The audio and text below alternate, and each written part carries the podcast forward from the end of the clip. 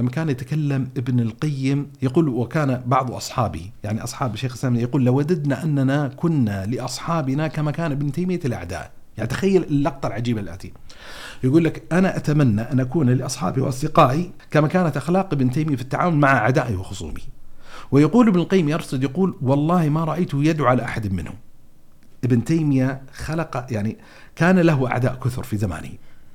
ومع ذلك ابن القيم يرصد ملاحظة أن ما يتذكر أن سمع دعاء عليهم بل كان يسمع دعوات لهم ولذا من العبارات الجميلة العبارات المؤثرة اللي ذكرها ابن تيمية في أحد السياقات لما تكلم أن ليس النفع المتعدي أفضل من النفع القاصر بإطلاق بل لا بد لطالب العلم من خلوات يخلو بربه تبارك وتعالى ويذكره سبحانه وتعالى ويقوم فيها ركعات وغيرها من المعطيات. فهذه مسألة أظنها تستدعي نوع من أنواع المراجعة.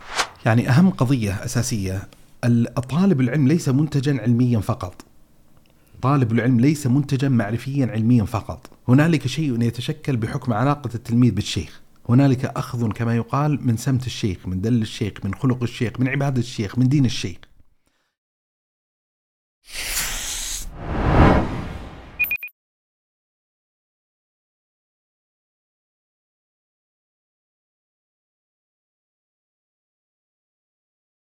السلام عليكم ورحمة الله وبركاته. وعليكم السلام ورحمة الله وبركاته يا مرحبا أهلا وسهلا. حياكم الله شيخنا الحبيب. الله يرضى عنك ويبارك فيك ويحفظك حياك الله. كيف حالكم؟ لله بخير إن شاء الله. بخير وسلامة وعافية.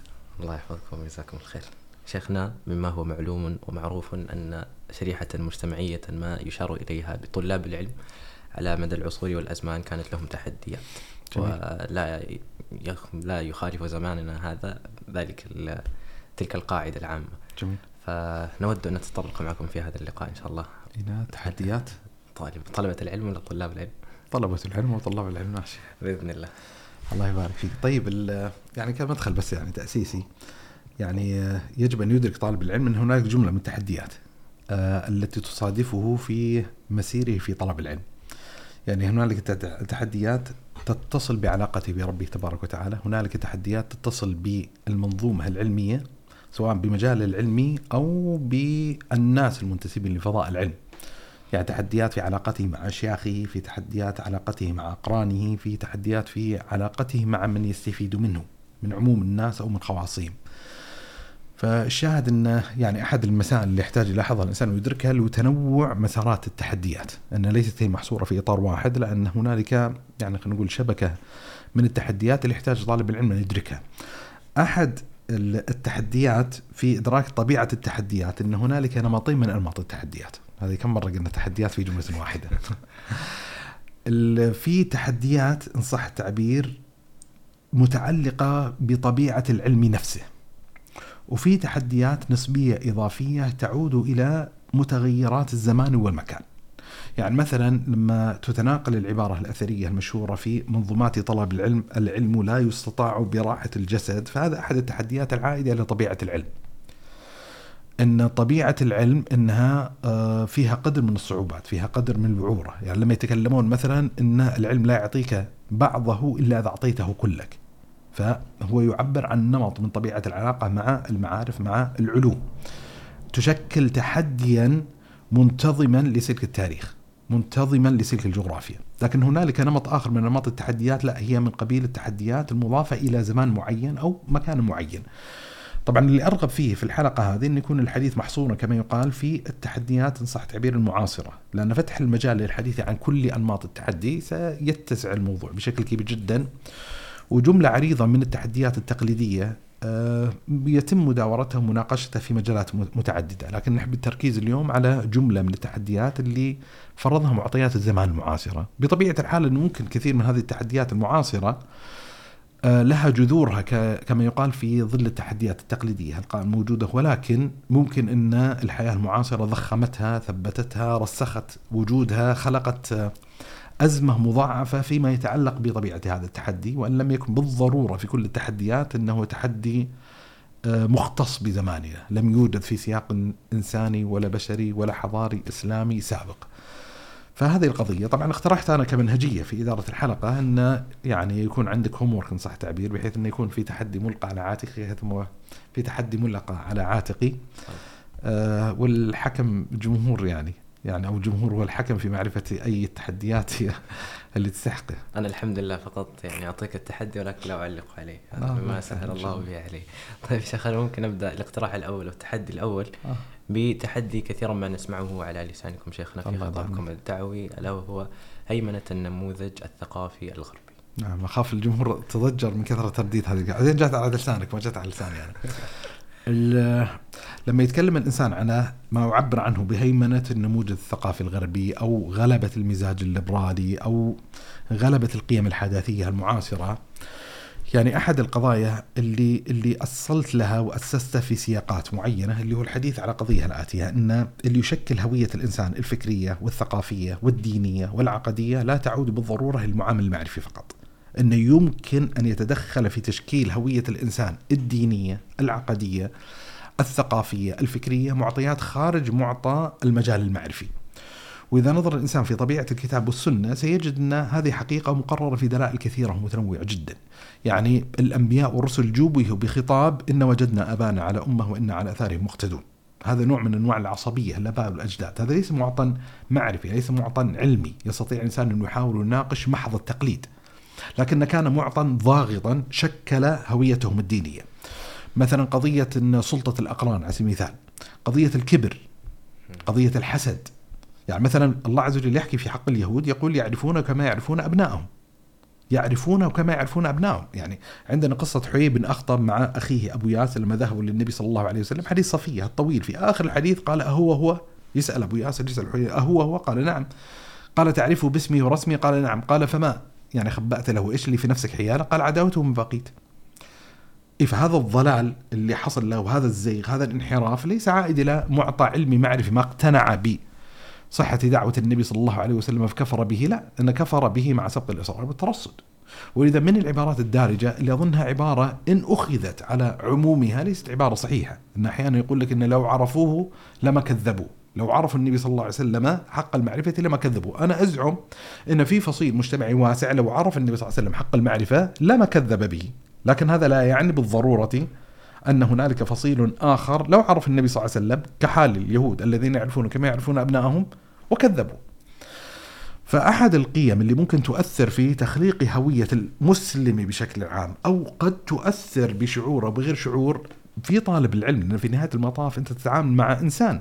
هذا الإنسان ترى تحكمه نزعات عواطفه تحكمه نزعات أهوائه.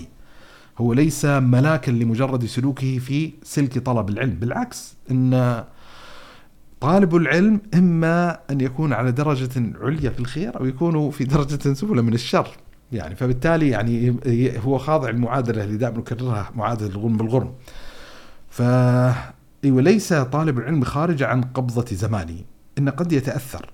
قد يجد في نفسه نوع من انواع الحرج من بعض تقرير الأحكام الشرعية بالذات المتصادمة مع القيم الحداثيه الغربية، أنا دائما أكرر ولذا هذا اللي يحصل إن كثير من أنماط الشرعنة للمقررات الموجودة في الحداثة الغربية، في القيم الليبرالية، في ال- ال- النموذج الثقافي الغربي، يجد الإنسان إن شرعنتها بالأدوات الشرعية يتم ممارستها بأيدي طلاب العلم أحيانا. يعني ليس مثلا متصور إن هنالك عامة من عامة المسلمين مثلا يعني يتنكرون لجملة المقررات الدينية الشرعية المتعلقة مثلا بأحكام حد الردة أو مثلا الجهاد أو العلاقة بغير المسلمين أو العلاقة بالمرأة.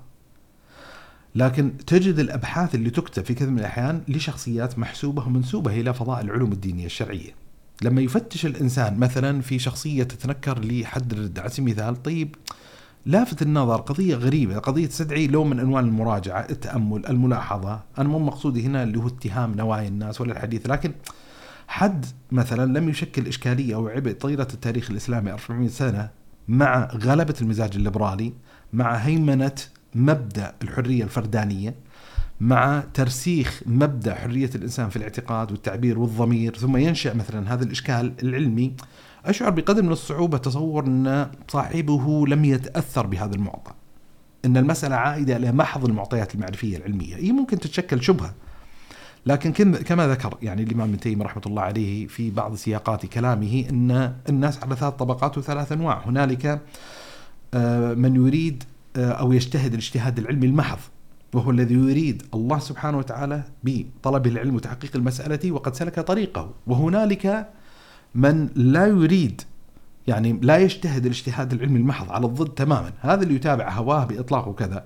وهنالك الشخصية المركبة من قضيتين أن عندها بعد الشبهة والشهوة. هنالك شبهة علمية معرفية انضم إليها نمط من أنماط الأهواء وابن تيمية يقول لك هذا حال غالب الناس أن يحصل عندهم هذا المعنى المركب من القضيتين. فمختصر الكلام إن أحد القضايا اللي يحتاج طالب العلم أن يلاحظها أن يدركها اللي هو طبيعة السياق الحضاري الذي يعيش فيه. وإن المسائل التي تهيمن في زمانه وهنالك ضغط يعني إما ضغط سياسي أو ضغط اجتماعي أو ضغط اقتصادي ايا كان المعطى هذا اي وقد يسبب له نوع من انوان الانحراف، نوع من انوان الوقوع في الخطأ، نوع من انوان الشرعنة للواقع الموجود. فيحتاج دائما طالب العلم أن يتنبه إلى من الذي يعني هو في كابينة القيادة، هل هي الشريعة التي تكون مهيمنة مسيطرة مشكلة لطبيعة الواقع ولا العكس؟ الواقع هو الذي يحدد موقف الإنسان من الشريعة. هو الذي يحمل الإنسان على تنظيم أو إعادة ترتيب المنظومة الدينية الشرعية التي تتوافق مع معطيات الحضارة المهيمنة، الحضارة الغالبة. ولذا هذه أحد الأزمات حتى يعني اللي وجدت بتشكل أو بتنوع معين في السياق التاريخي الماضي، لكن هي موجودة اليوم بشكل أكبر، أبو حامد الغزالي في أوائل كتابه التهافت، تهافت الفلاسفة ذكر ملحظ في غاية الغرابة إن يعني هنالك صنف من النخبة العلمية في زمانه كانوا يعظمون الفلاسفة يرون إن عندهم عقول كبيرة حصل لهم نوع من انواع الإعجاب وصل بهم الحال إلى التجمل بالكفر. التجمل بالكفر التمظهر بالكفر محاكاة وتقليدا. فنفس هذه الأزمة اللي كانت موجودة قد توجد نكهتها طبيعتها في ظل الرضوخ لهيمنة النمو الثقافي الغربي. فطبعا هذا يعزز ويؤكد على أهمية أن يسعى الإنسان في في تخليق اللي يعبر عنه حالة التعظيم حالة الإذعان حالة الانقياد حالة التسليم لله تبارك وتعالى الرسول صلى الله عليه وآله وسلم. إن أولى من من يشكل لنفسه حوائط الصد من كثير من الانحرافات الموجودة المعاصرة هو طالب العلم بما يستطيع أن يناله من معارف العلوم وأن يستطيع طالب العلم أن يفضي إلى إدراك كثير من التفاصيل الدينية الشرعية يدرك الحكمة وراء كثير من الدينية الشرعية ما يخلق عنده نوع من أنواع الاستقرار والطمأنينة بالمقررات الدينية الشرعية. يعني مثال يعني مثلا إذا نظر الإنسان في سياق الأكاديمية المعاصرة هنالك نوع من أنواع التزهيد إلى حد ما فيما يتعلق بالمرويات الشفهية. والاعتماد على ما يتعلق بعلوم الإركولوجيا على سبيل المثال، ما يتعلق بقضية ضرورة وجود يعني قضية مادية حسية من أجل التثبيت التاريخي، في جملة يعني إن صح التعبير من المدارس المهتمة بهذه القضية. طالب العلم الشرعي المتذوق لعلوم الرواية، لعلوم المصطلح، لعلوم الحديث، عنده من الطمأنينة والثقة واليقين بصوابية نقل الحديث النبوي ما لا يتيسر لكثير من أبناء المسلمين ممن يقع في شبهة التنكر لجملة من الأحاديث النبوية. ولذا يعني تحصل يعني طرائف من بعض المتنكرين لإمكانية ثبوت سنة النبي صلى الله عليه وسلم وجزء من هذا التنكر عائد إلى عدم معرفته مفصل المعارف والعلوم المتعلقة بهذا الباب. وإن إذا انخرط الإنسان في إدراك ما يتعلق بمنهج أهل العلم في في نقل الرواية النبوية يحصل له قدر عالي من الطمأنينة، فهذا أحد الامتيازات، فالمفترض في طالب العلم إن إن يكون أقدر على صد كثير من عادية غلبة المزاج الليبرالي عليه من عامة المسلمين. لكن بطبيعة الحال من الضروري التنبيه إلى هذا التحدي لأن في نهاية المطاف هو إنسان هو بشر يتأثر فلا ينبغي أن يبلغ تأثره حد الرضوخ بل ينبغي عليه أن يزاحم ينبغي عليه أن يدافع ينبغي عليه أن يجاهد بما يكتنفه نفسه من علم وإيمان وهذين يعني القيمتين المركزيتين التي يعني ينبغي على طالب العلم أن يسعى إلى الاستكثار منهما وتحصيلهما. وأن كل منبع للخير الذي يمكن أن يحصل للإنسان المسلم في هذه الحياة الدنيا يكون مرجعه في حقيقة الأمر إما إلى مكون العلم أو مكون الإيمان. طيب التحدي عندي الحين. التحدي الثاني عندك طيب التحدي الثاني خلني أطرح. التحدي الثاني. طيب التحدي ممكن يعني خلينا أقدمه بطريقة مقاربة للتحدي السابق. اللي هو علم الثقافه الغربي اللي هو وعي طالب العلم بطبيعة السياق الحضاري الذي يعيش فيه يعني يدرك طالب العلم إن إن أحد التحديات المشكلة لإدراكه وحسن وعيه لكثير من المعارف والعلوم الدينية والشرعية لمعرفة طبيعة السياقات الاقتصادية والسياسية والاجتماعية والنفسية اللي هو موجود فيها. لأن أحد المجالات يعني أحد الفروع العلمية الأساسية ما يعبر عنه بالنوازل الفقهية. نعم. بالنوازل وخلنا يعني بدل ما نعبر بالنوازل الفقهية خلينا نستلهم هذا النموذج اللي تم تناوله بشكل كبير جدا داخل إطار الفقه بما يعبر عنه بالنوازل الفقهية بحيث الإنسان يستثمره كمفهوم يستطيع تعميمه في مختلف المجالات العلمية الأخرى، يعني مثلا عندنا نوازل متعلقة بالبعد العقدي. نعم. في حديث يعني يعني تحصل مستجدات مثلا في فضاء العلوم الطبيعية التجريبية تستدعي جوابات متعلقة بالفضاء العقدي بالفضاء العلمي.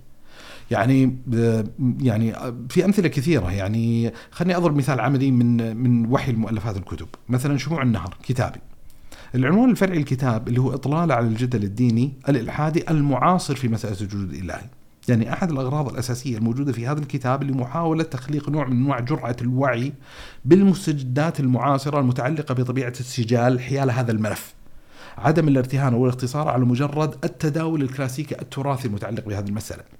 يعني لا يجد الإنسان ذلك المداورة النقاشية التفصيلية، ممكن يتلمح الإنسان إشارات وأشياء معينة يستطيع استثمارها، لكن فكرة مثلا الأكوان المتعددة وتأثيراتها في المجال العقدي المعاصر. هذه مسألة تستدعي نوع من انوان البحث. أنا ذكرت مثلا نماذج من الشيء الحاد أذكر ما بدخل في تفاصيلها لكن أذكر ان تكلمت على قضية القضاء والقدر وتكلمت على أحد التجارب العلمية قام بها أحد العلماء وقضية يعني لها حكاية ولها قصة يعني معينة. فالشاهد إن خلينا نفكر بهذه المسألة بهذه الطريقة.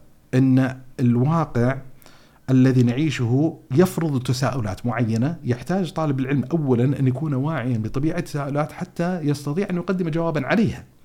الذي يؤلم في كثير من الأحيان أن يقتصر طالب العلم على مجرد الدراسة التقليدية الدراسة التراثية وهي مهمة جدا وهي تشكل القاعدة العلمية المعرفية التي يستطيع من خلالها أن ينظر في المسجدات لكن الأزمة أن يقتصر دورة على مجرد إدراك سقف الكتابة التراثية من غير أن يفضي إلى معرفة التفاصيل ما يتعلق بالسياق الذي يعيش فيه. يعني مثلا هذا يتجلى بشكل واضح جدا فيما يتعلق بالمجال المعاملات المالية بين قوسين المعاصرة. يعني أظن أحد القضايا اللي يحتاج إلى تطوير كفاءة الفقيه اللي هو قضيتين. القضية الأولى يعني تعبير استخدم أحد الفضلاء في أحد المناسبات اللي هو من تجديد الفقه إلى تجديد الفقيه. يعني بمعنى أن نحتاج إلى تمليك الفقيه في هذا الزمان وفي هذا العصر إلى إلى أدوات يستطيع من خلالها أن يتعاطى وأن يتفاعل مع كثير من المستجدات المتعلقة بالسياقات الإنسانية البشرية. يعني في مجال الصحة والطب في مجال المعاملات المالية المعاصرة في طبيعة النظم السياسية المعاصرة وغيرها من المعطيات يحتاج أن تملكه أدوات يستطيع أن يتفاعل مع هذا الفضاء. المشكلة الثانية اللي هو ما أعبر عنها اللي هو فكرة ضرورة تطوير كفاءة المتون العلمية. يعني في مختلف المجالات العلمية الدينية الشرعية بحيث أنها تستجيب للتحديات المعاصرة. يعني شو اللي يصير؟ يعني مثلا نأخذ المتن الفقهي على سبيل المثال. أحد الملاحظات اللي يمكن يرصدها الناظر أن هنالك نوع من أنواع التطور التابع للتفاعل مع مستجدات الواقع. بحيث مثلا تجد مثلا متون متقدمة لما يتكلمون على أن من شروط الصلاة استقبال القبلة فيقول لك إن من الأدوات اللي يستطيع الإنسان يعتمد عليها في معرفة اتجاه القبلة اللي هو مثلا محاريب المسلمين. محراب يعني تدخل مدينة معينة فتشوف المحاريب المسلمين متجهه باتجاه معين تعرف من خلال ان هذا اتجاه القبلة.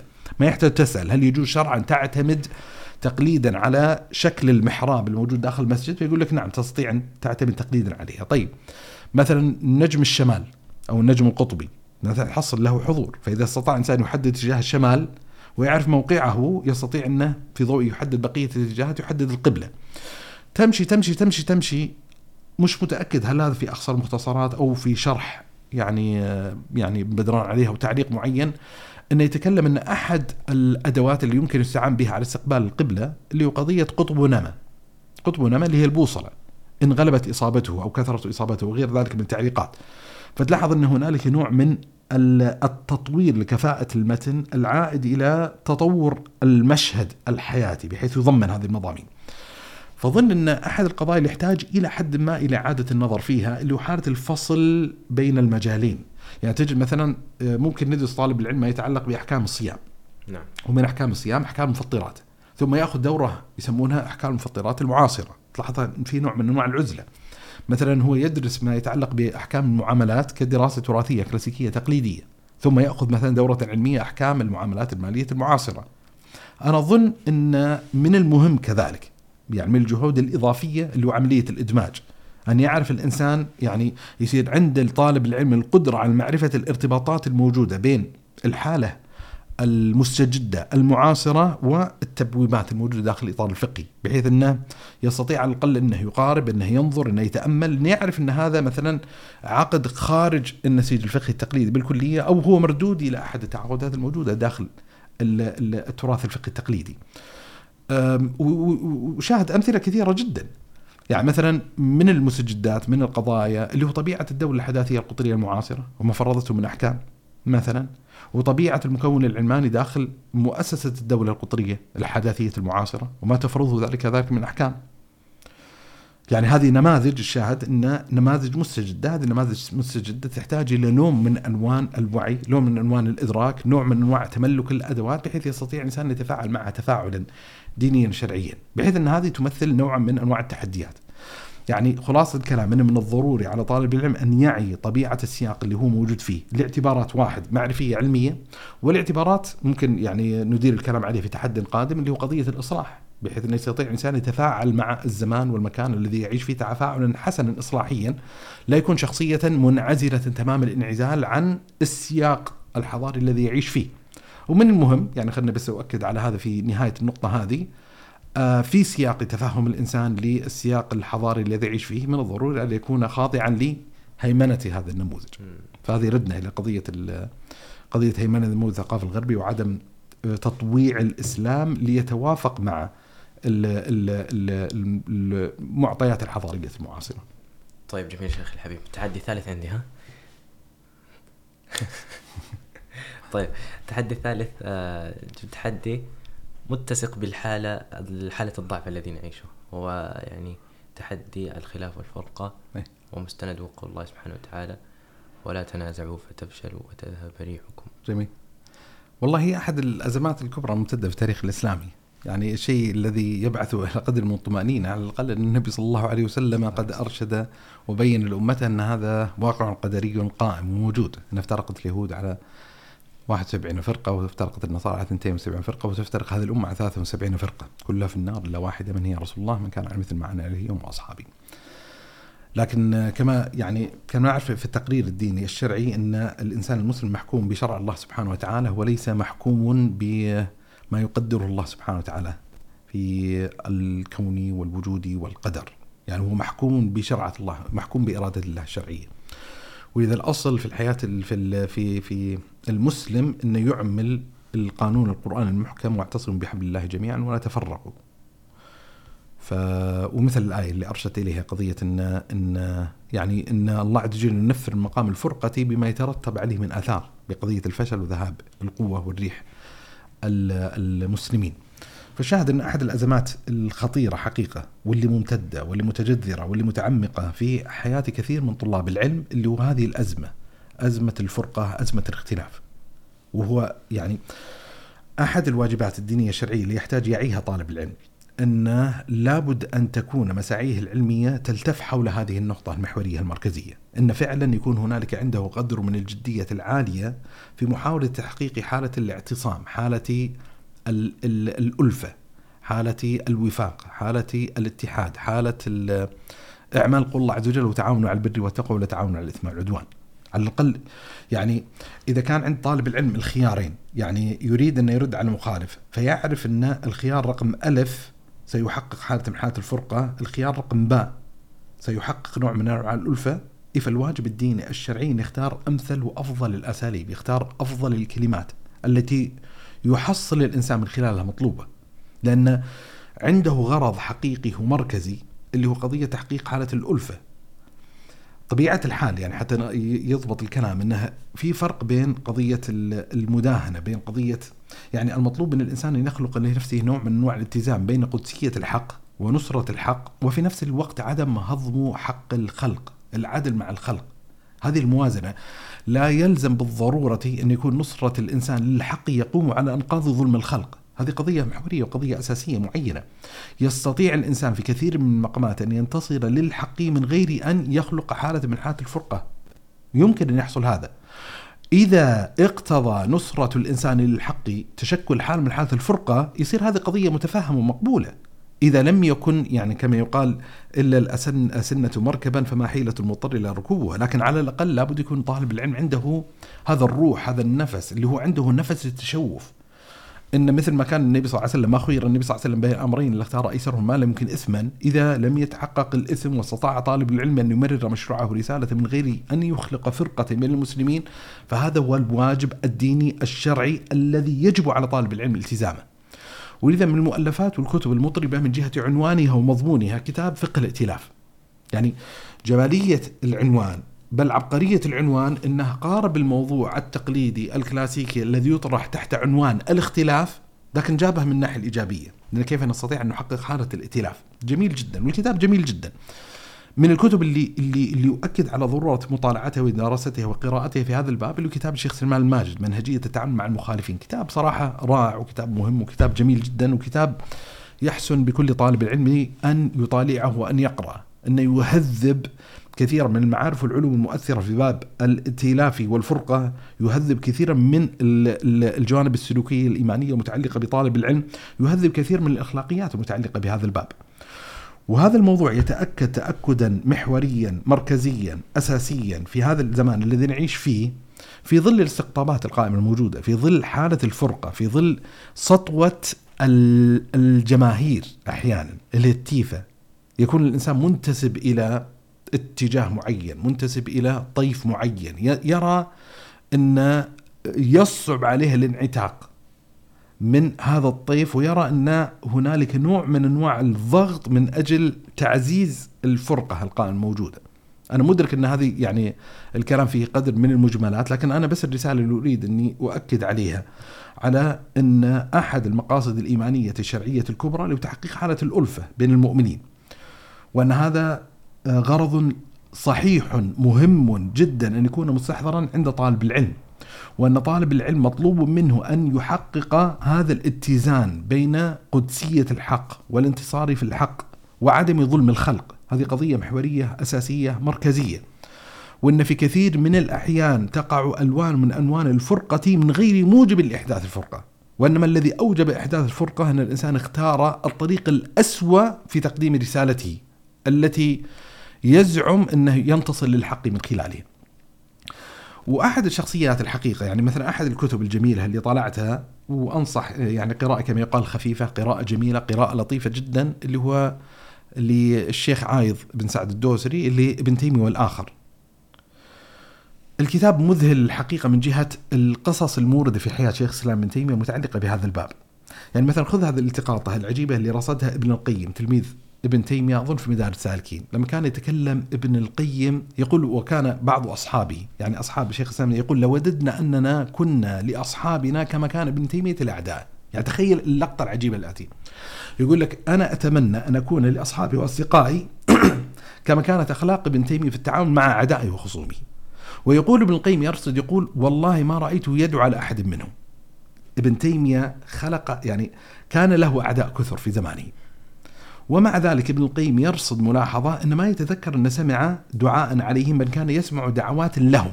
وهذه مسألة ترى يعني مرصودة في بعض رسائل شيخ الإسلام ابن تيمية أنه ينص أنه, أنه يتمنى لهم الخير وأنه لا يدعو عليهم وأنه يتمنى أن تحصل لهم مقامات العزة والإيمان وغيرها من المعطيات المعينة وأنه يرقب الله عز وجل فيهم وأنه لا يريد هذا وأن بالمخلوف مهما فعل ما فعل فإنه يتمنى له الخير. أشياء عجيبة أشياء عجيبة. إلى درجة ابن القيم في المدارج لما ذكر حالة شيخ الإسلام ابن تيمية قال وذهبت إليه يوما مبشرا بموت أحد كبار أعدائه الحين التلميذ متصور أن الشيخ سيبتهج سيفرح بخبر وفاة ذلك العدو العدو العلمي لابن تيمية. يقول فزبرني ونهرني ثم ذهب إلى أسرته وعائلته وقال لهم أنا لكم في مقام الأبواء يعني القصة المشهورة. مثلا من القصص المشهورة المعبرة عن هذه الروح عن هذه الروح المتطلبة إلى حالة الألفة اللي تنظر للمؤمنين بعين الرحمة وعين العدل لا تنظر للمخالفين فقط بعين المخالفة. يعني ابن تيمية كان يخلق هذه الثنائية اللي هو قضية انه يسعى إلى الوضوح والبيان فيما يتعلق بقضية الحق الديني العقدي وفي المقابل هو يسعى لتخليق حالة من حالات الألفة بين المؤمنين. اللي هو هذا قضية أساسية كانت حاضرة في ذهنه إلى درجة حتى يقول لما وقعت الخصوم بين الأشعرية والحنبلية وسعيت في رأب الصدع وجمع الكلمة بينهما قال فقالوا حتى قالوا هذا كلام خير من كلام موفق أظن يقصدون ابن قدامة مثلا من القصص والأخبار المشهورة جدا المعبرة عن هذا السمو الأخلاق الرفيع لابن تيمية قصة مع الناصر قلاوون يعني الناصر قلاوون كان هو رأس الممالك. تم الإطاحة به من خلال الظاهر ببرس بمعاونة فصيل من العلماء. استعاد الرجل السلطة. كان محبا لابن تيمية. فبدأ يجيب ابن تيمية ويظهر تواقيع أولئك الأشياخ ويحاول أنه يستنطق ابن تيمية بفتوى أنه يجوز لك ويسوغ أن تقطع رقابهم. وكان هذا ما يريد. فلما تنبه ابن تيمية لهذا بدأ يدعو لهم ويثني عليهم ويقول ترى إذا ذهب أولئك العلماء لا يبقى لك عالم في البلد وكذا. حتى قال ابن مخلوف اللي هو أحد أعداء قال ما رأيت أحدا أتقى من ابن تيمية. يعني كنا نريده بكل سبيل فلما قدر علينا عفى عنا قصة هذه عجيبة جدا قصة عجيبة جدا. ويجب الإنسان فعلا أن أن يلتزم بالأخلاقيات الموجودة في مثل هذا النفس وهذه القصة، مثلا من القصص والأخبار العجيبة اللي نقلها ابن عبد الهادي في العقود الدرية. إن بلغ الأمر لما كان موجود في القاهرة في مصر ابن تيمية إن تم الاعتداء عليه بالضرب، يعني حتى وصل الأمر إن البكري يعني قفز عليه ونتق أطواقه زين وصفعه وهرب يعني قصة معينة. فمن قصص الضرب العجيبة إن تسامع الناس إن ابن تيمية ضرب وكان مع الناس أخوه أظن شرف الدين فالتقى بشيخ الإسلام ابن تيمية. فلما رأوه اللي هو أصحابه ومحبينه وتلامذته والجمع الذي أقبل على ابن تيمية بعد ما راوا آثار الضرب فيه فقالوا له قالوا الآن يعني ندمر مصر والقاهرة وهذا. فيقول لهم هذا ما يحق فيقول طيب نذهب إلى أولئك القوم الذين ضربوك ونقتالهم ونقتلهم في بيوتهم. فيقول لهم هذا ما يحل. فيعني متضايقين يقولوا اللي فعلوه بك يحل. ولما طال الموضوع الجدل الأخذ والعطاء الجدل والأخذ والعطاء وابن تيمية يحاول أن ينهاهم عن ذلك قال لهم بعد أن تضجر من ابن تيمية قال هذا الحق إما أن يكون لي أو لكم أو لله عز وجل. فإن كان الحق لي فقد عفوت عنه وإن كان الحق لله عز وجل فالله عز وجل ينتصر لحقه. وإن كان الأمر إليكم ولا تريدون أخذ رأيي ولا تستفتوني فافعلوا ما بدا لكم. فقالوا طيب هذا الأمر اللي فعلوا بك يحل؟ يجوز يفعلون بك؟ قال أولئك القوم قد يكونوا مثابين مأجورين على ما فعلوه بي. قالوا عجيب. قال فتكون أنت على الباطل؟ قال لا هذا ما يلزم أن يكون عن باطل يكونون مخطئين مأجورين عن هذا الفعل. فحاولوا يمين الشمال يحاولون مع الرجل مصر. بعدين مصر ابن تيميه على رأب الكلمة. فقال الآن نذهب إلى المسجد مسجد الجامع ونحاول نصلح الموضوع. فيقولون ترى إذا أغلق عليك باب في المسجد لا نأمن أن يحاولوا اغتيالك قتلك. فيصر ابن تيمية يمشي إلى مسجد في الطريق يقولون طيب تنحى في الطريق وصلي في المسجد هذا. ما يرضى يدخل المسجد واقف على رجله يطلع يذهب هناك يصلي بالناس يفتتح بالحمد لله رب العالمين سورة الفاتحة ثم يتكلم في موجبات الفتنة اللي وقعت حتى يقول أعداؤه وخصومه والله لقد ظلمنا الرجل.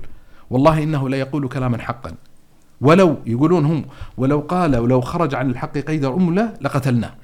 هذه مواقف عظيمة مواقف جليلة مواقف تنم على روح علمية مستحضرة هذه القضية الأساسية مستحضرة ضرورة الإبانة عن الحق للناس مع مراعاة قصد الشريعة في ألفة الكلمة في وحدة الصف في جمع الناس ليس من أغراضه مجرد تخليق حالة الفرقة مش القصة عنده أن, إن, إن ما يسأل في في في في الآثار والتداعيات للكلمة التي يقولها أو يخلقها. جميل جدا شيخنا، التحدي الرابع عندك ها؟ التحدي عندي طيب التحدي نسميه تحدي الوفرة. تحدي الوفرة. تحدي الوفرة. يعني أحد الأشياء ألاحظها المستجده في في كثير من الأدوات المتعلقة بفضاء العلم اللي هي الوفرة. يعني مع تمدد الإنترنت مع تمدد عالم الطباعة والنشر حصل عندنا وفرة عجيبة وكبيرة جدا وسهولة تناول ما يتعلق بكثير من مصادر العلم والمعرفة. يعني صار طالب العلم اليوم ليست أزمته في تحصيل كما يقال درس للفقه ولا درسين في الفقه ولا ثلاث دروس في الفقه لا عنده حال من حالة التشتت والحيرة. كيف يستطيع أن يفرز الدرس العلمي الأنسب له؟ كيف يستطيع أن يضع يده على الكتاب في ظل زحمة الكتب القائمة الموجودة الأنفع له؟ هنالك حالة من حالات الشتات هنالك حالة من حالات الحيرة بحكم الوفرة بحكم الوفرة. وهذه ما أدري هل هي طبيعة إنسانية يعني مثلا من التعبيرات الدارجة الموجودة عندنا تبي حيره خيرة يعني بمعنى إن أحيانا أسهل على الإنسان إنه ان تعطيه خيارا واحدا فينفذه. إذا بديت تخيره إذا كثرت الخيارات عليه يبدأ يحتار بشكل كبير جدا. فأحد المستجدات القائمة الموجودة في الحياة العلمية المعاصرة اللي وفرت المواد العلمية سواء مواد علمية قرائية مواد علمية سماعية مواد علمية مرئية. يعني مثلا لما يتكلم الإنسان مثلا في عالم اليوتيوب الحين مثلا يجي طالب العلم يريد إنه يستشرح كتابا فأحد الأزمات أحد المشكلات التي يجد نفسه محاصرا بها اللي هو حيرة ما هو الدرس العلمي الأمثل ان يطالعه في شرح هذا الكتاب. لما يأتي إلى قضية الكتب نفس الإشكالية، بل حتى في عالم الكتب لا صارت الأزمة أزمة مضاعفة. أزمة مضاعفة اللي هو صار يستطيع أن يتحصل على مجموعة علمية كبيرة جدا جدا جدا من الكتب عن طريق ال PDF. الكتب الإلكترونية. وهذه خلقت أزمة غريبة. يعني كثير من طلبة العلم يكون عنده نوع من أنواع النفس التوهمي. يتوهم أن مجرد تملك الكتاب هو تملك للعلم الموجود في هذا الكتاب. ولذا تجد أن أحيانا يقع طالب العلم في هذا الفخ في فخ الوفرة في ملاحقة الوفرة. أن يصير قصارى ما يطمع به من علاقته بعالم الكتب اللي هو اقتناء الكتب أو الحين الأزمة اللي قاعد تتشكل اللي هو الاستكثار من ملفات ال PDF الملفات ال PDF ينزل ينزل ينزل ينزل. والمشكلة ما تأتي اللحظة اللي قاعد يقرأ. فأحد الأزمات اللي يحتاج طالب العلم أن يدركها أن يعيها وأن يدير علاقته بها اللي هو تحدي الوفرة تحدي الوفرة. إن يعني مثلا أحد السؤالات اللي تطرح وأعتقد إنه مفيد استحضار هذا المفهوم في جواب هذا السؤال إن هنالك منهجيات متعددة في طلب العلم يعني أحد الأسئلة المحورية اللي كانت حاضرة في فترة زمنية سابقة لما كنا يعني كما يقال صغارا مبتدئين في سلك طلب العلم اللي هو المنهجية في طلب العلم. عندك نوع من أنواع التدرج العلمي ينتقل الإنسان عبر بوابة التدرج العلمي في مختلف العلوم الشرعية، هذا المستوى الأول في علم التفسير، هذا المستوى الثاني في علم التفسير، هذا المستوى الثالث في علم التفسير، هذا في العقيدة، هذا في الفقه، في الحديث وهكذا. بعد فترة زمنية تبدأ تتكاثر على الإنسان هذه المنهجيات، هذه منهجية مقترحة من الشيخ فلان، هذه منهجية مقترحة من الشيخ فلان. القصة وما فيها ينبغي على طالب العلم ألا يستغرق فترة زمنية وعمرية طويلة في الفرز بين تلك المنهجيات يعني يعمل مثل قول الله سبحانه وتعالى لنبيه فإذا عزمت فتوكل على الله. إنه خلاص يعني اتخذ قرارا اتخذ خطا اعمل. ترى الفاقد العلمي ليس كبيرا جدا. يعني إذا عندك مثلا افترض جدلا عشر دروس ترى حجم الاشتراك العلمي الموجود من العشر دروس ترى كبير يعتبر نسبيا. إن في مشترك علمي بينها متمدد. يعني بطبيعة الحال اسعى إلى محاولة تحصيل ما هو الأفضل لإمكاناتك لكن لا تتعثر لا تتعطل لا يطل بك المقام في لحظة التساؤل في لحظة الحيرة. احسم الموضوع كما يقال في أفضل الخيارات القائمة موجودة واعلم أن حتى لو لم توفق إلى أفضل الخيارات فأنت قد وفقت لخيار فاضل. الحمد لله. يعتبر هذا أفضل حالا بكثير جدا من أن يستغرق الإنسان عمره في مربع الصفر كما يقال. فأحد القضايا المقترنة بنعم الله سبحانه وتعالى علينا بتسهيل كثير من أدوات العلم اللي هو التخندق في مربع الحيرة يعني إذا نظر الإنسان مثلا في واقع الكتب اليوم وما تضخه المطبعة يعني كان قديما حتى يتحصل الإنسان على كتاب يحتاج إما أن يستنسخ هذا الكتاب بيده وهذا كلفة عمرية وجهد وزمن طويل أو يستنسخه باستئجار غيره أو يجد الكتاب منسوخا لكن في الأخير هنالك محدودية إلى حد ما في في عدد الكتب اللي يستطيع الإنسان أن يضع يده عليها. اليوم المسألة صارت مختلفة كبيرة بشكل كبير جدا يستدعي نوع من أنواع إيجاد الحلول إن صح التعبير حلول التشتت، حلول الحيرة. لكن الدعوة الأساسية اللي يريد تبريرها هنا اللي هو ضرورة عدم التوقف كثيرا مع آه، سؤال الحيرة والشتات والانتقال إلى مربع الاختيار. والفعل وزي ما ذكرت ان إن أحد الأدوات اللي قد تساعد الإنسان على حسم القرار وعلى أن يتوكل على الله سبحانه وتعالى اللي هو ان إن الفاقد المعرفة أو الفاقد العلمي أو التفاضل الموجود بين كثير مما يفاضل به بين الناس أو يعني يجعله في حالة من حالات التوتر والانزعاج والاضطراب آه، ليس امرا آه، يحتمل هذا التوقف الدائم. بل يعني يتقدم الإنسان ويؤمل أن يوفق إلى الخيار الأصوب إن لم يوقف يوفق إلى الخيار الأصوب فهو خيار صائب في الجملة فهو خير بكثير جدا. لا يتعامل الإنسان مع هذه الملفات التعامل الحدي الصفري أبيض وأسود. لا يدري الإنسان أن هنالك نوع من أنواع الطيف في حجم الانتفاع والاستفادة. فإذا لم ينتفع انتفاعا تاما 100% فيعتبر ممتاز وخير وبركة انتفع من الكتاب انتفاع 90% أفضل من أن يقف في مربع الحيرة مكتفا ينظر ما يدري يقدم لا يقدم خلاص توكل على الله عز وجل. وأقدم ولا آه، تقف في خندق الحيرة وتستهلك عمرك وزمانك في هذا الخندق. جميل جدا شيخ الحبيب. حتى لو سلم بعض الطلاب من آه، التحدي الذي ذكرته من ناحية الشتات العلمي إلى آخره قليل من يسلم في حسن آه، إدارته للوقت. خصوصا في ظل الملهيات القائمة الحالية مع مواقع التواصل الاجتماعي والملهيات الكثيرة جدا فكيف يتعامل الإنسان مع هذا التحدي؟ والله الحديث في قضية الملهيات يعني في حياة طالب العلم أظن أن فعلا أنا أتصور فعلا أحد الأزمات المحورية أحد الأزمات الكبرى أحد التحديات الهائلة اللي تعصف بجمهور المسلمين والمسلمين من وطلبة العلم من جمهور المسلمين اللي هو أزمة الإنسان في هذا الزمان في زمن هيمنة منصات شبكات التواصل الاجتماعي في في في الالتحام والالتصاق الحياتي بالجهاز. الآيفون زين جهازي طبعا. اللي هو فعلا يعني انها تحتاج لنوع من أنواع المراجعة. أه مثلا من الكتب اللي أرشحها على الأقل إن تضع الإنسان وتفتح له افاق في معرفة طبيعة الأولاق المهدرة، الأوقات المهدرة المستهلكة التي تضر به. كطالب علم اللي كتاب الماجريات للشيخ إبراهيم السكران.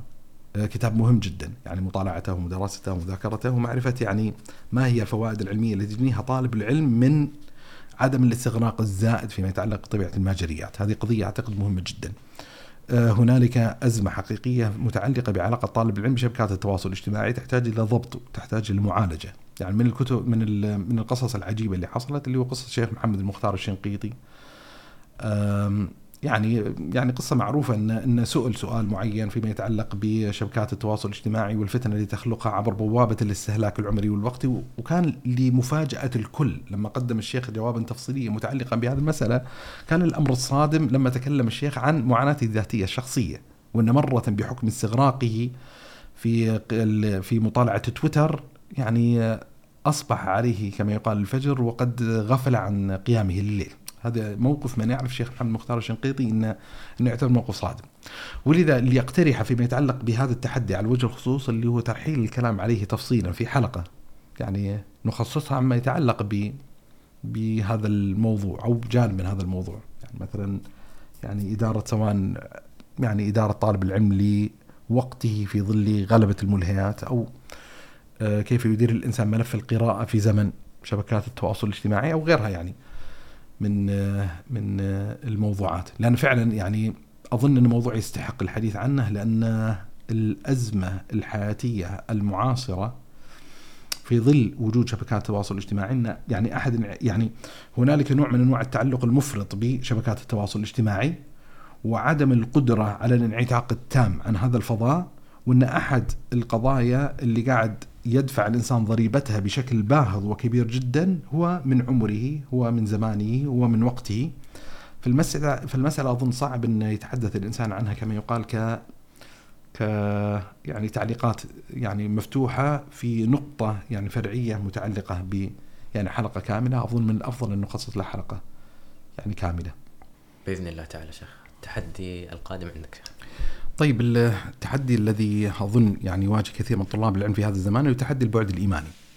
وزي ما ذكرت هذا ليس تحديا مختصا بالزمان الذي نعيش فيه، لكن سبب ذكره على جهة الاختصاص اللي هو نحن نعيش في زمن مادي.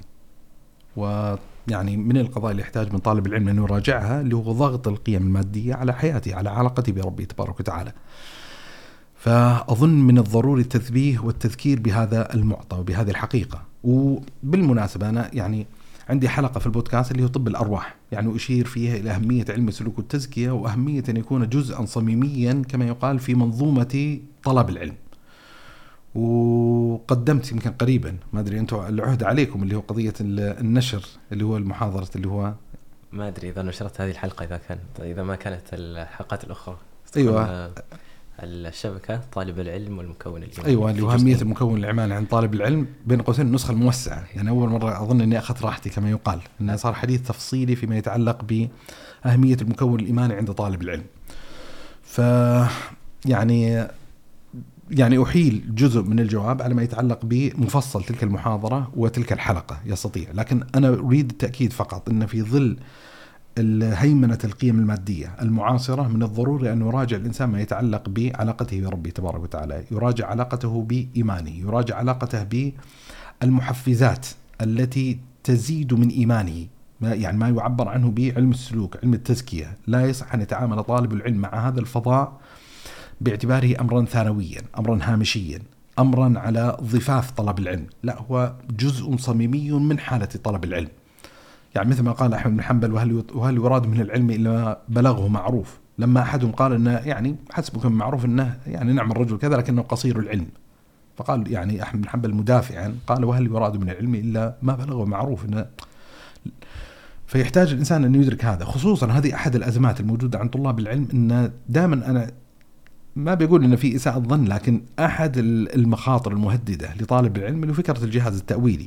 إنه يستطيع أن يبرر جزءا كبيرا من تقصيره بذراع علمية معينة. وما يتعلق باهتمام طالب العلم بمكون الايماني لا يخرج من هذا الإطار. يعني مثلا من الأفخاخ اللي ممكن يقع فيها طالب العلم بحكم علميته اللي هو الوقوع في فخ الموازنات بين طلب العلم والعبادة. يقول طيب ما قال النبي صلى الله عليه وسلم فضل العالم على العابد كفضلي على أدناكم وبالتالي مجرد سلوك الإنسان ما يتعلق بالمنظومه العلمية من غير بين قوسين لوهمي أن ينعكس إيجابا على حالته التعبدية. ألا يعتبر هذا طيب العلم من امتيازاته أنه نفعه متعدي وأن ال ال الكثير من التعبدات نفعها قاصر خاص. وكذلك العلم عبودية فإذا فتح للإنسان باب في باب مثلا مالك بن أنس العبارة وكلانا على خير يأتيك. متوهما أن مالك بن أنس كان مستغرقا طيلة حياته وعمره في مجرد العلم من غير أن يبذل ركعة لله عز وجل ولا يتصدق بصدق ولا يصوم. في حين مالك بن أنس لو قدر أنه عاش في زماننا لكان من كبار كبار كبار كبار العباد. لا يعني لما ينظر الإنسان في السيرات الترجمة العملية لمالك بن أنس يكتشف أنه كان عابدا كبيرا جدا لكن غلب عليه هوية العلم، لكن هذا لا يلغي اللي هو الجانب التعبدي، الجانب السلوكي القائم موجود عنده. فشاهد أنه ممكن طالب العلم يولد من نفسه شبهات معينة يبرر من خلالها تقصيره، فيقول لك إن العلم آه، يعني العبادة لا تكون مصححة إلا بقضية العلم، فشاهد أنه يجد إنسان أشياء معينة ولذا من العبارات الجميلة، العبارات المؤثرة اللي ذكرها ابن تيمية في أحد السياقات لما تكلم إن ليس النفع المتعدي أفضل من النفع القاصر بإطلاق. بل لا بد لطالب العلم من خلوات يخلو بربه تبارك وتعالى ويذكره سبحانه وتعالى ويقوم فيها ركعات وغيرها من المعطيات، فهذه مسألة أظنها تستدعي نوع من انواع المراجعة، ولذا إذا نظر الإنسان في حالة السلف في الأئمة المتقدمين من علماء هذه الأمة سيجد أن كان عندهم فقه مختلف عن الفقه الذي نمارسه في هذه الأيام. يعني مثلا من الروايات المؤثرة الحقيقة اللي هو رواية قالها أبو عصمة البيهقي يقول بت ليلة عند أحمد بن حنبل. فترك لي الوضوء. فلما أصبح الصباح وجد الماء لم يتغير. فقال طالب علم ليس له حظ من قيام الليل. يعني استقبح أحمد بن حنبل. ومن جمالية هذه الرواية أن أبو عصمة نقلها ولم ينسبها إلى غيره. يعني هنالك فائدة علمية ينجب يتحقق فذكرها رحمة الله تبارك وتعالى عليه. مثلا آه، قصص كثيرة. يعني قصص كثيرة جدا. طاووس طرق أحدهم في الليل فقيل له نام قال ما ظننت أحد ينام في السحر. طاووس هو طاووس عالم يعني من علماء الأمة الأكابر.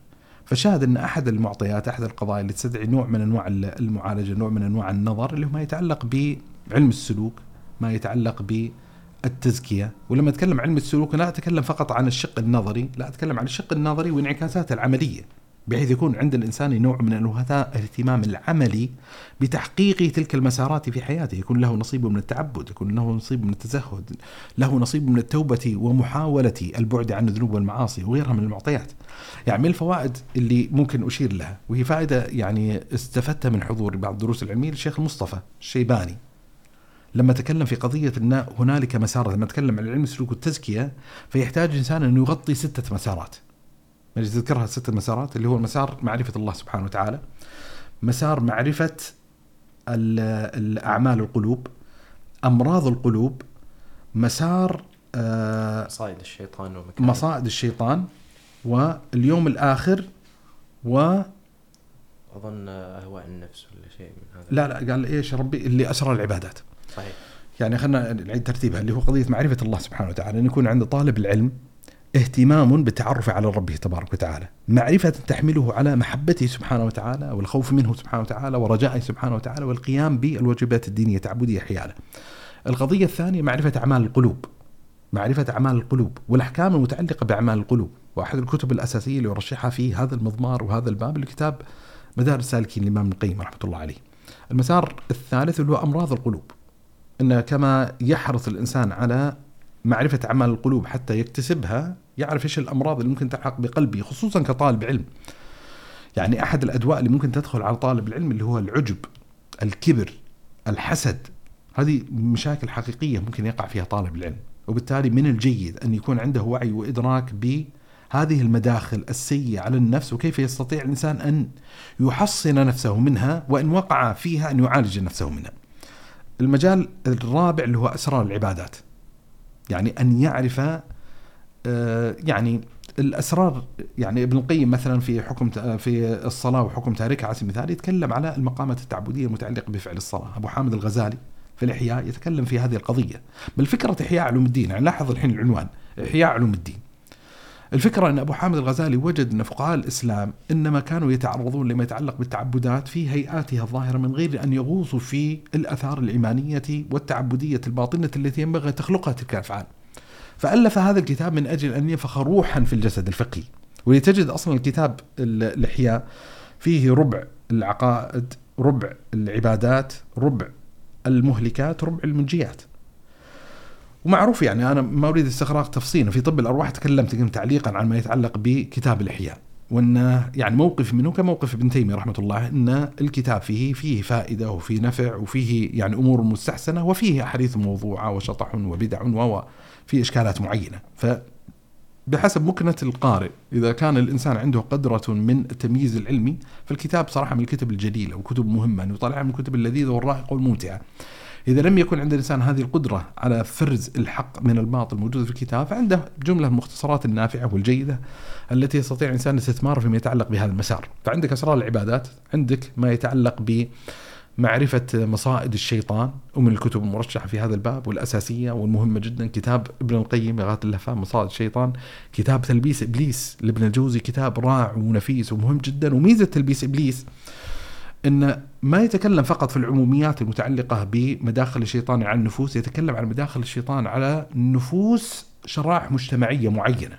ومن تلك الشرائح المجتمعية طلبة العلم. بل يغوص على المداخل الشيطان اللي يدخلها على الفقهاء مداخل الشيطان التي يدخلها على المشتغلين بالحديث مداخل الشيطان اللي يدخلها على هذا الصنف العلمي وذاك. فمهم جدا صراحة الكتاب ونافع وجميل في هذا الإطار. وعندك ما يتعلق ب اليوم الآخر. أن يعرف الإنسان مشاهد الآخرة ف يعني تخلق في نفسه نوع من أنواع التعلق بالله سبحانه وتعالى وتزيده ايمانا وتكون في ذلك محفزة لتحقيق عبوديات لله تبارك وتعالى. ممتاز جدا شيخنا الحبيب على نفس منوال التحدي الرابع اللي هو تحدي الوفرة يجد الإنسان ولا طالب العلم خصوصا آه، نفسه أمام البرامج العلمية الإلكترونية الإنترنتية يعني وعنده خيارات كثيرة جدا. فلا يدري أين يذهب وحتى ممكن يعني بعضهم يتعرض إلى نقص البركة في العلم من تلقي العلم من البرامج العلمية الإلكترونية. فكيف الإنسان يمكن يعالج هذا التحدي؟ طيب أظن الحين لما ذكرت التحدي أنت دخلت تحديين في واحد، يعني تحدي غطيناه إلى حد ما اللي هو تحدي الوفرة. وفي التحدي اللي هو يعني مثل ما هنالك مغانم مكتسبات تحققت في البرامج الإنترنتية هنالك خسائر. كذلك يجب أن نعيها. حتى يخفف الإنسان من المشكلات الموجودة في ال- المنظومات التعليمية عن بعد. يعني أهم قضية أساسية الطالب العلم ليس منتجا علميا فقط. طالب العلم ليس منتجا معرفيا علميا فقط، هنالك شيء يتشكل بحكم علاقة التلميذ بالشيخ. هنالك أخذ كما يقال من سمت الشيخ، من دل الشيخ، من خلق الشيخ، من عباده الشيخ، من دين الشيخ. يعني مثلا من الأثار العجيبة المنقولة في عقد الامام أحمد إنه كان يجتمع في حلقته خمسة ألاف خمسة ألاف 500 يكتبون عنه الحديث والبقية 4500 يأخذون عنه السمت والأدب. يعني هنالك شيء يتعلق يتشكل في ظل تلك العلاقة القائمة الموجودة هنالك أبعاد تتجاوز محيط التلقي المعرفي العلمي ولذا هذه حتى أحد المشكلات المتعلقة أصلا بالمنظومة التعليمية المعاصرة بشكل عام، حتى المنظومة التعليمية المشيخية في المساجد وكذا إن أحيانا لا تتجاوز حدود العلاقة علاقة التلميذ بالشيخ حدود الدرس الملقى. يجي الشيخ يشرح بين المغرب والعشاء يلقي الدرس ويمضي ولا يوجد هنالك علاقة أو رابطة بين الشيخ وبين التلميذ، وبالتالي هذه الأزمة تكون أزمة مضاعفة في البرامج الإنترنتية. إن أحيانا يكون البرنامج الإنترنتي هو مجرد مواد مقروءة يطالعها الطالب هي مجرد آه، مواد مرئية مسجلة يطالعها الطالب حتى لا يكون هنالك نوع من نوع التفاؤل الذي يتجاوز هذا. فهذا ممكن يخلق عندنا أزمات معينة أزمات دينية سلوكية أخلاقية معينة. فيحتاج الإنسان إنه يحاول أن يبتكر وسائل معينة يحل فيها جزء من هذه الأزمات. هذا أحد المشكلات. يعني إذا نظر الإنسان في واقع الحالات العلمية المتقدمة القائمة الموجودة سيجد الموضوع ليس بالطريقة اللي موجودة عندنا في الحياة المعاصرة. طبيعة العلاقة الموجودة بين التلميذ وبين الشيخ ليست هي طبيعة العلاقة القائمة الموجودة عندنا اليوم. طبيعة الملازمة اللي كانت قائمة موجودة. يعني من قصص والأخبار طبعا قصة طويلة جدا هي قصة أبو موسى الأشعري لما رأى في المسجد حلقا حلقا يذكرون الله عز وجل ذهب إلى عبد الله مسعود. فتخيل اللقطة أنا بس بذكر هذه اللقطة في البداية. لما ذهب إلى أبو ابن مسعود رضي الله عنه وأرضاه هذا قبل صلاة الفجر. فوجد الطلاب ينتظرون ابن مسعود عند باب داره هذا قبل صلاة الفجر. فقال خرج أبو عبد الرحمن أبو موسى يسأل فقالوا لا ثم خرج. ابن مسعود فاستقبل أبو موسى ثم أخبره بالخبر. لاحظ اللقطة العجيبة اللي هو قضية أن الطلاب حجم الملازمة القائم ينتظرون شيخهم يخرج صلاة الفجر حتى يذهبوا معه حتى يذهبوا معه وتدوم هذه الملازمة. هذه الملازمة لابد أنها تثمر ثمرات أخلاقية. وهذا اللي حصل لما ينظر الإنسان في كبار أصحاب عبد الله مسعود سيتلمس هذه الآثار الإيمانية اللي أخذوها عن شيخهم. هذا أحد يعني أحد جوانب السمت اللي نبهت عليه في بعض المناسبات. لما تكلمت أن قضية عبد الرزاق الصنعاني يقول والله ما رأيت صلاة أحسن من صلاة ابن جريج. تذكر في حلقة الصلاة؟ أي نعم. إن ما رأيت صلاة أحسن من صلاة ابن جريج. فقال كيف لو رأيت عطاء؟ وبعدين عطاء مسند الامام أحمد الإسناد إن أخذ ابن جريج الصلاة عن عطاء وعطاء أخذ الصلاة عن عبد الله بن الزبير عبد الله بن الزبير أخذها عن أبو بكر الصديق أبو بكر عن النبي صلى الله عليه وسلم. جمالية هذا الإسناد. جمالية هذا الإسناد تتلقى عمليا بالتخلق بالسلوك عدم الاقتصار على مجرد المكون العلمي المكون المعرفي. فهذه قضية إن هنالك فاقد تربوي في كثير من البرامج العلمية تحتاج إلى نوع من أنواع التأمل. أنا ما أدعو أنا بالعكس أنا أقول لك إن هذه أحد النعم اللي يحتاج الإنسان انه يراعيها لكن في مقابل يعني أحد الجوانب الإيجابية الموجودة في في البرامج العلمية الإنترنتية اللي هو المساحة اللي يستطيع الإنسان عبر هذه البرامج أن يغطيها. عدد المنخرطين ممكن بالآلاف بعشرات الآلاف مئات الآلاف. لكن التأثير العميق يعني يحتاج الإنسان إلى إلى إلى التأمل فيه. يعني كما يقال من حجم التأثير العميق أن هنالك شيء مفقود في طبيعة العلاقة الحضورية المباشرة يحتاج أن نعترف به.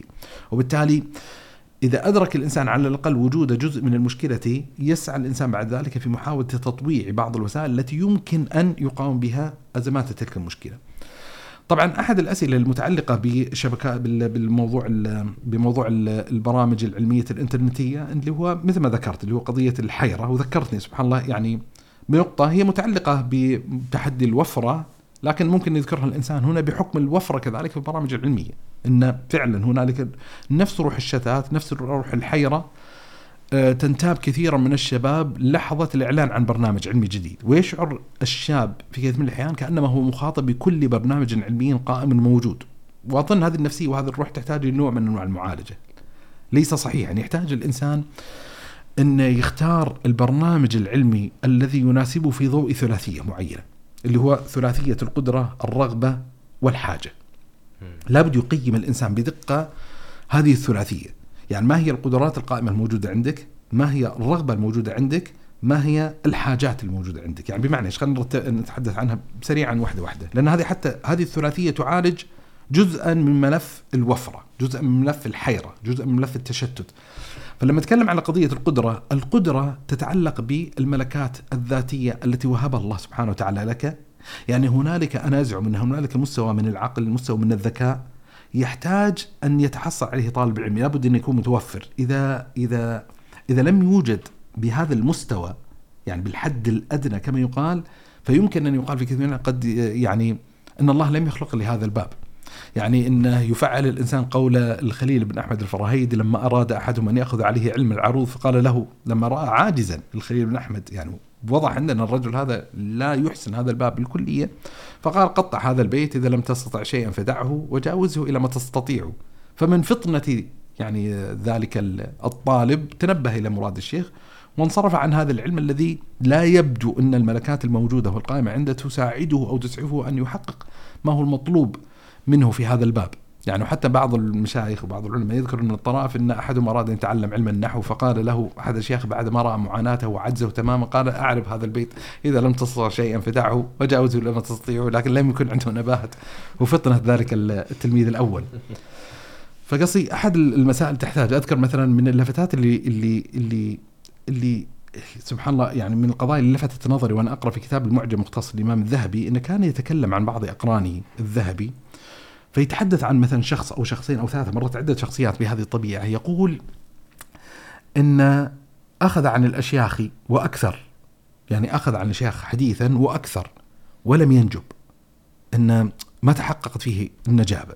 يعني في كثير من الأحيان يبدو لي إن هنالك سقف أدنى من الملكات الذاتية الشخصية التي لا بد أن تكون متوفرة لطالب العلم حتى يحسن شيئا في هذا الباب. يستطيع يعني ماشي هنالك مستوى إذا كان موجودا ثم بذل الإنسان وسعا وطاقة وتتطور الكفاءة عنده بشكل كبير جدا. من إنسان عنده مجرد الملكة من غير أن يبذل ذلك الجهد لكن يجب أن نتفق أن هنالك حد أدنى. إذا نزل الإنسان حدوده فهذا ما يتعلق بقضية القدرة. والقدرة ما تتعلق فقط بقضية الملكات تتعلق حتى في السياق المعيشي الذي يعيش فيه الإنسان. يعني بمعنى هذا البرنامج العلمي قد يستدعي منك إعطاء فسحة زمنية معينة. هل أنت مستعد أن تعطي هذا البرنامج؟ هذه الفسحة الزمنية ولا لا؟ يعني مثلا افترض أن البرنامج يشترط عليك أو يتوقع منك على الأقل أن تفرغ من أسبوعك مثلا خمسة ساعات. افترض إنسان يقول كان ما أستطيع أني أبذل خمس ساعات. هذا تدخلها في معامل القدرة معناته ان أن هنالك مشكلة هنالك أزمة معينة. أحد الأشياء اللي تكشف عن قضية القدرة افترض أن برنامج المفترض المتوسط الموجود فيه أنه يحتاج منك أسبوعين لمدة خمس ساعات.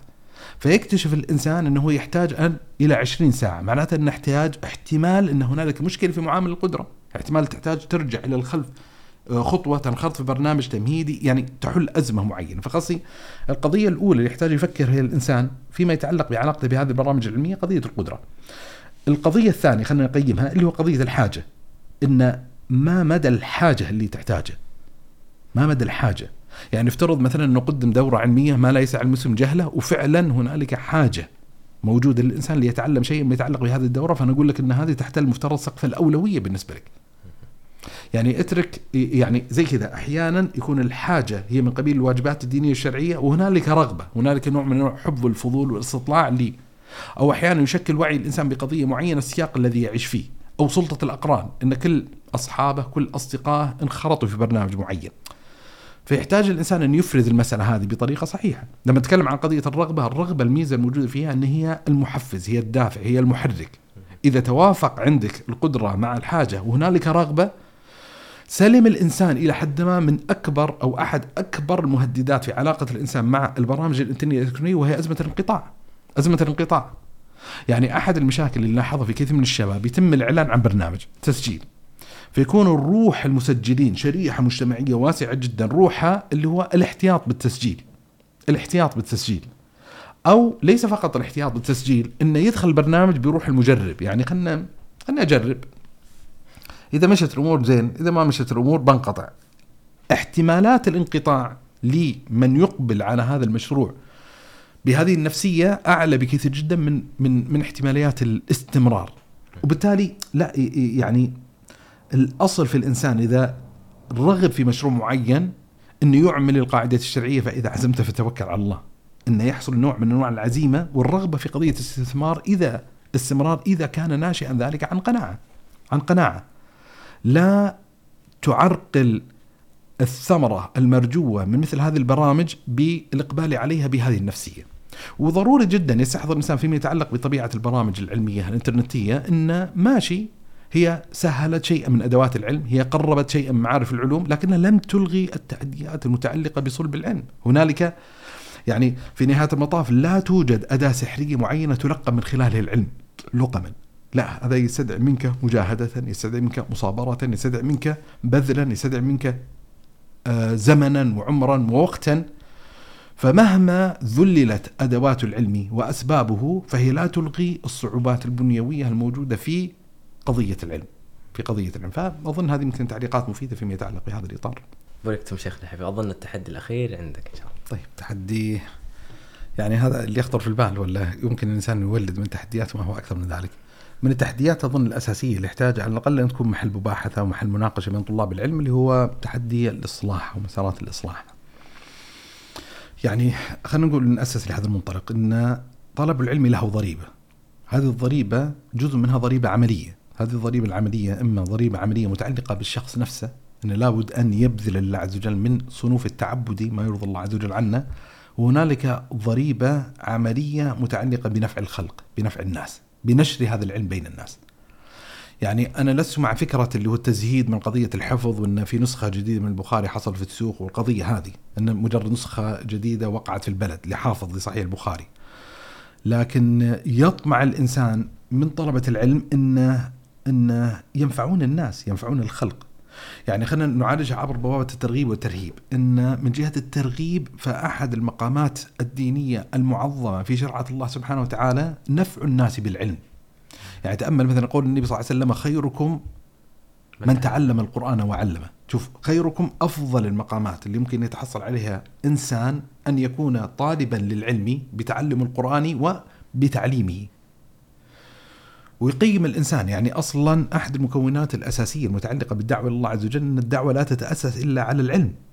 ولذا لا يصح للإنسان أن يدعو غيره إلى قضية هو لم يتقنها هو جاهل فيها.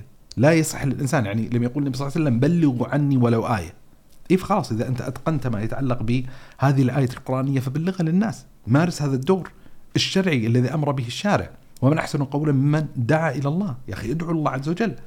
لا يصح لطالب العلم أن يقصر علاقته بالعلم لمجرد الانتفاع الذاتي أن تتخلق عنده نوع من أنواع الأنانية. يحتاج طالب العلم أن يفضي إلى الناس لنفعهم وإفادتهم بقضية العلم. أن أحد المسارات اللي يحتاج طالب العلم يفكر فيها جديا ما هي مسارات الإصلاح المتاحة والممكنة للناس.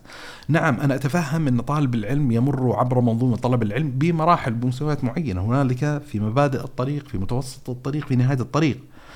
لكن دائما ينبغي أن يكون هاجس الإصلاح هاجسا موجودا عند طالب العلم. لا يصح أن يكون هذا الهاجس هاجسا مغيبا بكلية من حياته. هذا هذا يعني هي تعبر عن أزمة حقيقية. هي يعني أمر على خلاف السنة الماضية الجارية لأهل العلم. يعني أحد الممادح اللي كان يمدح بها أهل العلم إنه يقال في عالم إنه كان رجل عامة، كان رجل عامة يعني كان ساعيا في خدمة الناس ونفعهم، لاحظ ولما نقول رجل عامة لا نتكلم حتى على نفعه لما يتعلق بالمعطيات العلمية بتعليم الخلق وتعليم الناس ودعوتهم الخير، لا يتجاوز الحدود اللي استثمار طالب العلم أحيانا لجاهه لحضوره المجتمعي. لتحقيق مكتسبات وخيرات ومصالح الناس وإذا قرأ الإنسان في سير وتراجم الأئمة والعلماء في هذا الباب سيقف على أشياء عجيبة وأشياء غريبة جدا فيما يتعلق بهذه القضية. يعني ممكن نرجع الإنسان لكتاب ابن عطار في ترجمة الإمام النووي. سيقف على أخبار للإمام النووي رحمة الله عليه. تؤكد هذه الحقيقة تؤكد على هذه القضية. يعني له موقف مع الظاهر ببرس في قضية فرض بعض المكوس والضرائب على الناس فذهب يعني محتسبا احتد الظاهر ببرس حياله. يصدع الإمام النووي بكلمة حق معينة سعيا للترفق بالناس، سعيا لإصلاح أوضاع الناس المالية والاقتصادية والاجتماعية. فشاهد أحد الأدوار الأساسية اللي يحتاج يعيها طالب العلم اللي هو ما مربع الإصلاح في أولويات اهتماماتك. ولا بد يراعي الإنسان يعني يعني الثنائية الآتية اللي هو طبيعة احتياجات الواقع وقضية القدرات الذاتية. حتى يدرك الإنسان ما هي الاحتياجات القائمة الموجودة في الواقع وما هي القدرات التي تستطيع أني أكافئ تلك الاحتياجات. ولذا في بعض الأحيان قد لا تكون جميع المهارات جميع الأدوات متوفرة لطالب العلم فيكون جزء من وجود حاجة الإصلاح اللي توفير تلك الأدوات.